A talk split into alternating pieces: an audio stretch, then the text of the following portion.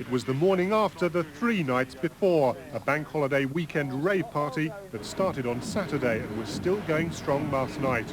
More than 10,000 New Age travellers and rave enthusiasts converged on the site of a disused quarry near the Cotswold village of Lechlade. Many had been turned away from an aborted gathering at Hungerford, swelling the numbers even more. Usually police find out in advance about the location of such events, but this time they were caught out.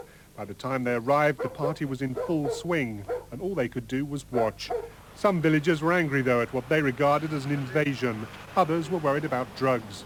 Um, I've got a 16-year-old son, which he's, he's, kept away from the festival. Obviously, he's not, you know. But yesterday he went to the village shop for his grandmother to buy milk or whatever, and he's actually asked outside the village shop whether he wanted to purchase drugs. No, that's my point of view. We don't want to. Then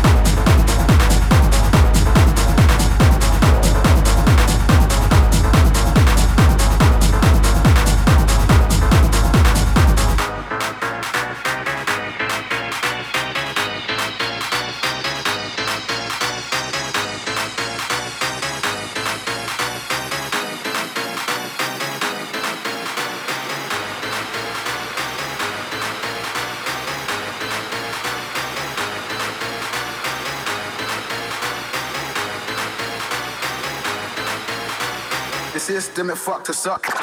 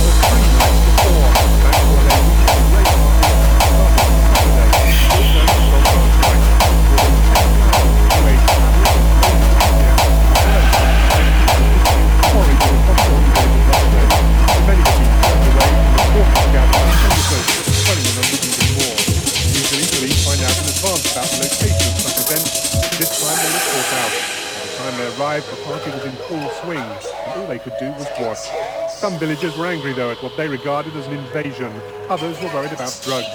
Um, I've got a 16-year-old son, which he's, he's kept away from the festival. Obviously, he's not, you know.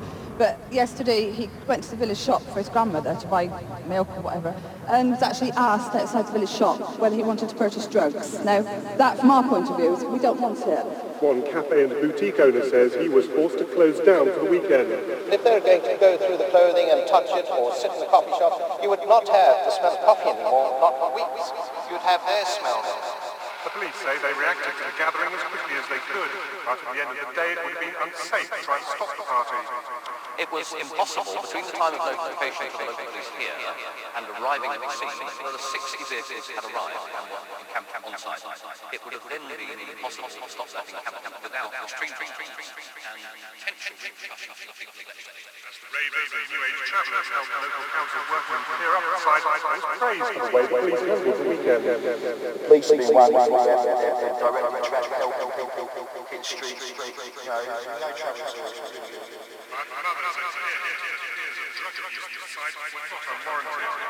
don't think drugs are so I'm gonna say that. Drug, drug, take the drug, drug, drug. Them more people take the drug, drug, drug. Them more people take the drug, drug, drug. Them more people take the drug, drug, drug. Them more people take the drug, drug, drug. Them more people take the drug, drug, drug. Them more people take the drug, drug, take the drug, drug, take the drug, drug, take the drug, drug, take the drug, drug, take the drug, drug, take the drug, drug, take the drug, drug, take the drug, drug.